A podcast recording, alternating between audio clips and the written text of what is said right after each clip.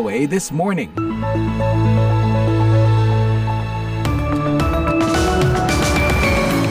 Hai, selamat pagi. Bertemu lagi di VOA This Morning Selasa 5 September 2023. Sekarang di Washington DC masih tanggal 4 September dan di Amerika diperingati sebagai Labor Day atau Hari Buruh.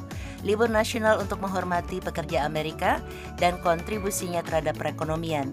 Banyak acara memanggang di rumah-rumah dan biasanya orang bersantai bersama keluarga sambil menutup musim panas.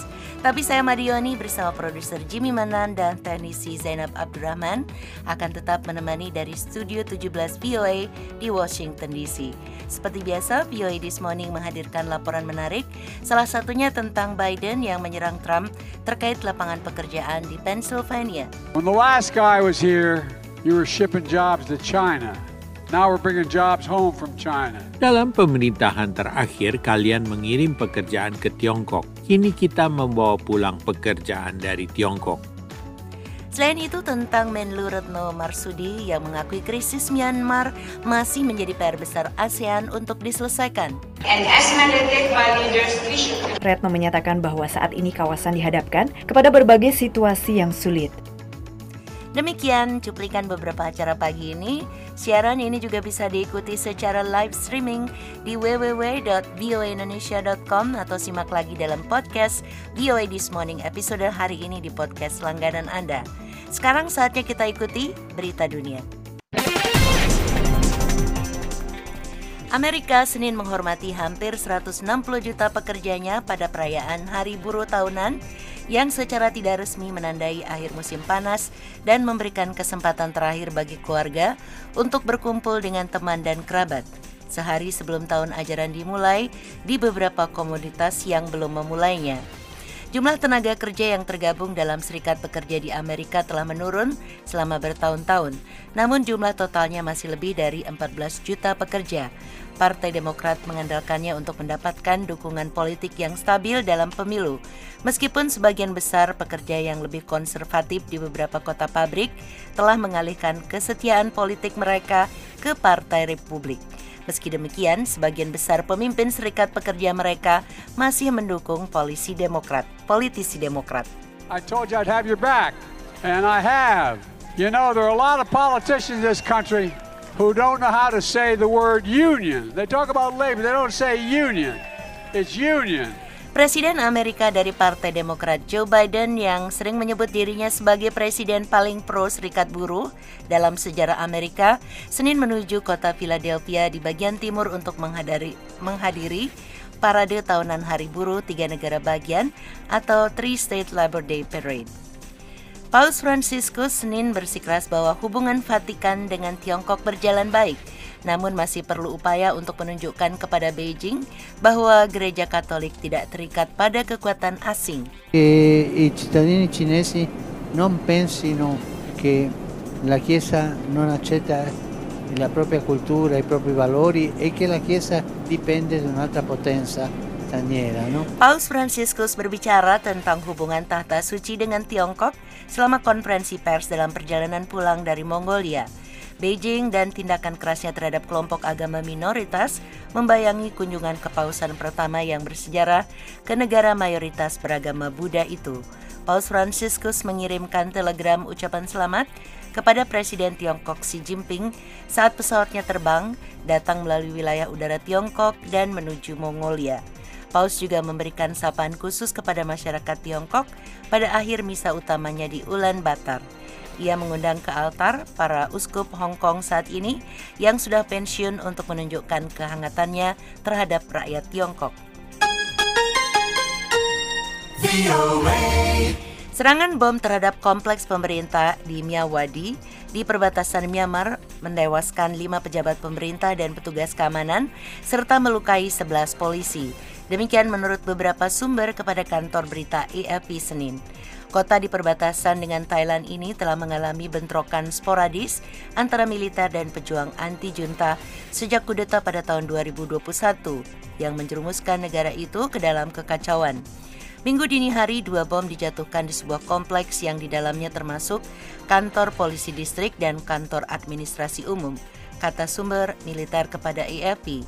Ketika para pejabat mengambil langkah-langkah keamanan setelah ledakan tersebut, dua bom lainnya dilempar menewaskan lima orang dan melukai sebelas orang. Kata sumber yang meminta tidak disebutkan namanya karena tidak berwenang untuk berbicara dengan media. Korban tewas termasuk seorang perwira militer, dua petugas polisi dan dua pejabat dari Departemen Administrasi, kata para sumber. Swedia Senin mengatakan seorang warganya yang berusia 30-an ditahan secara sewenang-wenang di Iran tahun lalu dan menyerukan pembebasannya segera.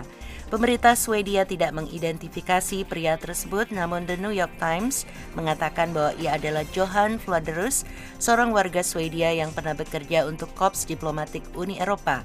Mengutip sumber anonim, surat kabar itu mengatakan Vladerus ditangkap dalam perjalanan pribadi ke Iran untuk kemungkinan digunakan oleh Teheran sebagai alat tawar-menawar dalam upaya mencari konsesi dari Barat. Juru bicara Kementerian Luar Negeri Iran, Nasser Kanani mengatakan kepada kantor berita semi-resmi Fars bahwa ia tidak memiliki informasi mengenai kasus tersebut. Kementerian Luar Negeri Swedia mengatakan pria tersebut ditahan di Iran pada bulan April tahun lalu, namun menolak memberikan rincian. Presiden Taiwan Tsai Ing-wen minggu ini mengunjungi kerajaan Eswatini, sekutu terakhir Taiwan di Afrika, menyusul kunjungan kenegaraan Presiden Tiongkok Xi Jinping ke pusat kekuatan benua itu Afrika Selatan yang mengelilingi Eswatini. Sekian berita dunia VOA Washington.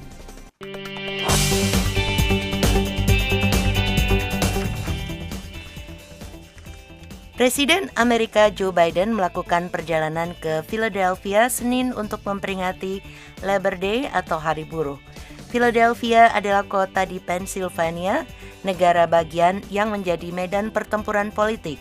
Gedung Putih berharap kesungguhan Biden pada kebijakan yang peduli pekerja akan membantunya menang lagi dalam Pilpres 2024.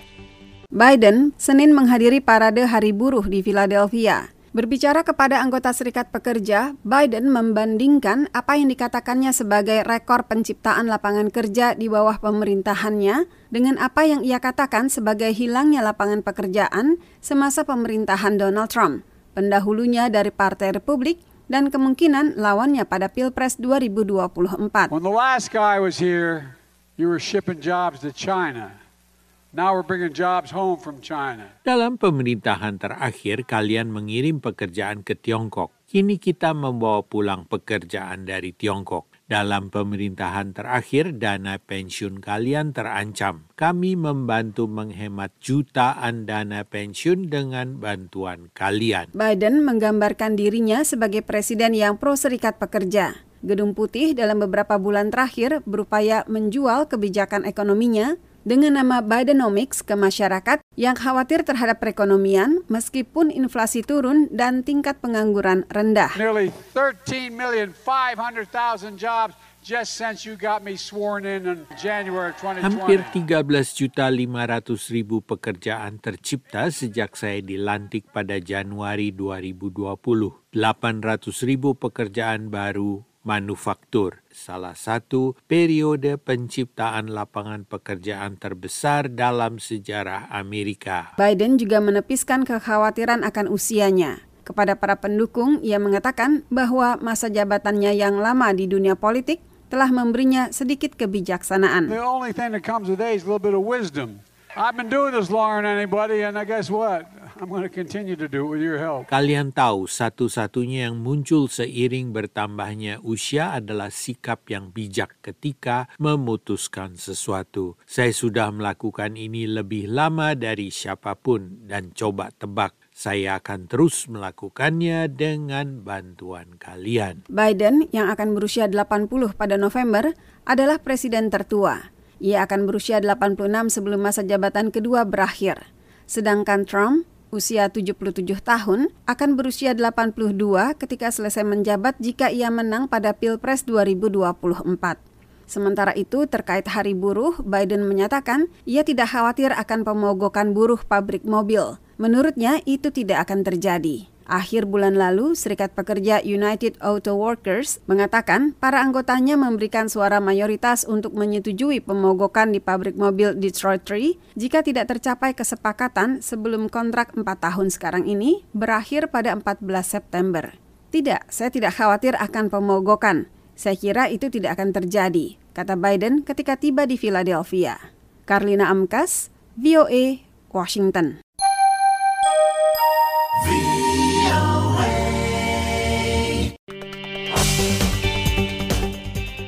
VOA This Morning, Presiden Turki Recep Tayyip Erdogan mengatakan ia yakin kesepakatan ekspor gandum Laut Hitam yang membantu Ukraina mendistribusikan pasokan gandumnya ke pasar dunia akan segera dapat dipulihkan setelah ia berbicara dengan Presiden Rusia Vladimir Putin Senin. Berikut selengkapnya. Pada hari Senin, mulai ada pergerakan dalam kesepakatan ekspor gandum Laut Hitam yang terhenti. Pergerakan itu muncul pada pertemuan Presiden Rusia Vladimir Putin dan Presiden Turki Recep Tayyip Erdogan di Rusia. Setelah kembali bertemu secara tatap muka untuk pertama kalinya sejak tahun lalu, Erdogan yakin kesepakatan yang membantu Ukraina mendistribusikan pasokan gandumnya ke pasar global dan meringankan krisis pangan dunia itu akan dapat segera dipulihkan. Bu kapsamda Birleşmiş Milletler'le dalam konteks ini kami mempersiapkan sebuah paket yang berisi masukan-masukan baru melalui konsultasi dengan PBB. Saya rasa proses baru ini dapat membuahkan hasil. Rusia keluar dari kesepakatan itu Juli lalu, setahun setelah diperantarai oleh PBB dan Turki. Moskow mengeluhkan ekspor pangan dan pupuknya yang menghadapi rintangan Putin mengatakan pada hari Senin bahwa negara-negara Barat masih membatasi ekspor pertanian Rusia. Ia mengatakan, Saya ingin menegaskan kembali posisi prinsip kami. Kami akan siap mempertimbangkan kemungkinan menghidupkan kembali kesepakatan gandum. Saya sekali lagi mengatakan kepada Presiden Erdogan tentang hal ini hari ini dan kami akan melakukan ini segera setelah semua perjanjian mengenai pencabutan pembatasan ekspor produk pertanian Rusia yang tercatat di dalam dalamnya dilaksanakan sepenuhnya. Menanggapi pernyataan Putin, Menteri Luar Negeri Ukraina Dimitro Kuleba mengatakan, Posisi kami sangat sederhana. Kesepakatan ekspor gandum laut hitam harus dipulihkan. Kedua, kesepakatan itu tidak boleh dipulihkan melalui pemerasan dengan memenuhi tuntutan Federasi Rusia karena Rusia tidak memiliki dasar hukum maupun politik untuk menarik diri dari kesepakatan itu. Rusia dan Ukraina adalah dua produsen produk pertanian utama dunia. Moskow telah memblokade pelabuhan Laut Hitam Ukraina sejak mereka menginvasi negara tetangganya itu. Moskow juga mengancam akan memperlakukan semua kapal sebagai sasaran militer potensial setelah keluar dari kesepakatan tersebut. Rifan Dwi Astono, VOA, Washington. VOA. Menjelang konferensi tingkat tinggi atau KTT ASEAN ke-43 yang akan diselenggarakan mulai besok 5 September hingga 7 September, Menlu Retno LP Marsudi mengakui bahwa konflik Myanmar masih menjadi salah satu pekerjaan rumah terbesar untuk diselesaikan oleh ASEAN. Reporter VOA Gita Intan melaporkan dari Jakarta. Menlu Retno menyampaikan hal itu dalam pidatonya ketika membuka ASEAN Foreign Minister Meeting di Sekretariat ASEAN Jakarta Senin 4 September. Menurutnya, Indonesia yang saat ini memegang keketuaan telah bekerja keras untuk mendorong solusi ASEAN yang bersatu. ASEAN, tegas Retno, hanya akan bisa maju dengan kekuatan penuh apabila kelak memastikan adanya solusi yang damai dan jangka panjang di Myanmar. And as mandated by leaders, we should conduct a comprehensive review on the five-point consensus in the lebih jauh, Retno menyatakan bahwa saat ini kawasan dihadapkan kepada berbagai situasi yang sulit. Meski begitu, ia menegaskan hal tersebut jangan sampai mempengaruhi kerja keras mereka pada KTT ASEAN mendatang. Selama sembilan bulan terakhir, kata Retno, pihaknya telah bekerja keras untuk mencapai kemajuan dalam upaya pembangunan komunitas ASEAN. Pihaknya juga telah mempersiapkan landasan yang kuat untuk menuju visi ASEAN 2045 dalam ASEAN Concord 4. Selain itu, Retno pun menyoroti semakin banyaknya negara yang mengaksesi TAC atau Treaty of Amity and Cooperation in Southeast Asia dan menjadi mitra ASEAN. ASEAN katanya juga akan menandatangani kerjasama antar sekretariat dengan Asosiasi Negara Lingkar Samudra Hindia dan Forum Kepulauan Pasifik. Pertanyaan apakah ASEAN masih relevan pun mencuat ketika konflik dalam negeri Myanmar tidak terselesaikan dalam tiga kepemimpinan ketua ASEAN sebelumnya, yakni Kamboja, Brunei Darussalam, dan Indonesia saat ini. Pengamat ASEAN dari Badan Riset dan Inovasi Nasional atau BRIN, Pandu Prayoga menilai bahwa relevansi dan kredibilitas ASEAN dalam konteks Myanmar akan dipertanyakan mengingat belum adanya penyelesaian konflik di negara tersebut. Kalau ditanya apakah ASEAN masih relevan, masih dalam aspek diplomasi multilateral ya, dalam aspek politik keamanan ya, dalam aspek ekonomi, sosial kultural, tetapi dalam aspek yang Myanmar tadi ASEAN harus bekerja keras gitu. Jadi kalau dalam dalam persoalan ASEAN ini dalam persoalan Myanmar, ASEAN hanya kekurangan kredibilitasnya gitu ya. Bahwa ASEAN ternyata tidak sentral-sentral amat lah, tidak tidak terlalu dianggap oleh anggotanya sendiri gitu. Indonesia Kata Pandu, sebagai ketua ASEAN saat ini bukan hanya harus memperkuat kesatuan, tapi juga harus membuat sentralitas. Dalam penelitian BRIN, bukan hanya sekedar sentralitas hubungan ASEAN dengan negara-negara mitra, tetapi ASEAN di mata negara anggotanya sendiri. Dari Jakarta, Gita Intan melaporkan untuk VOA Washington.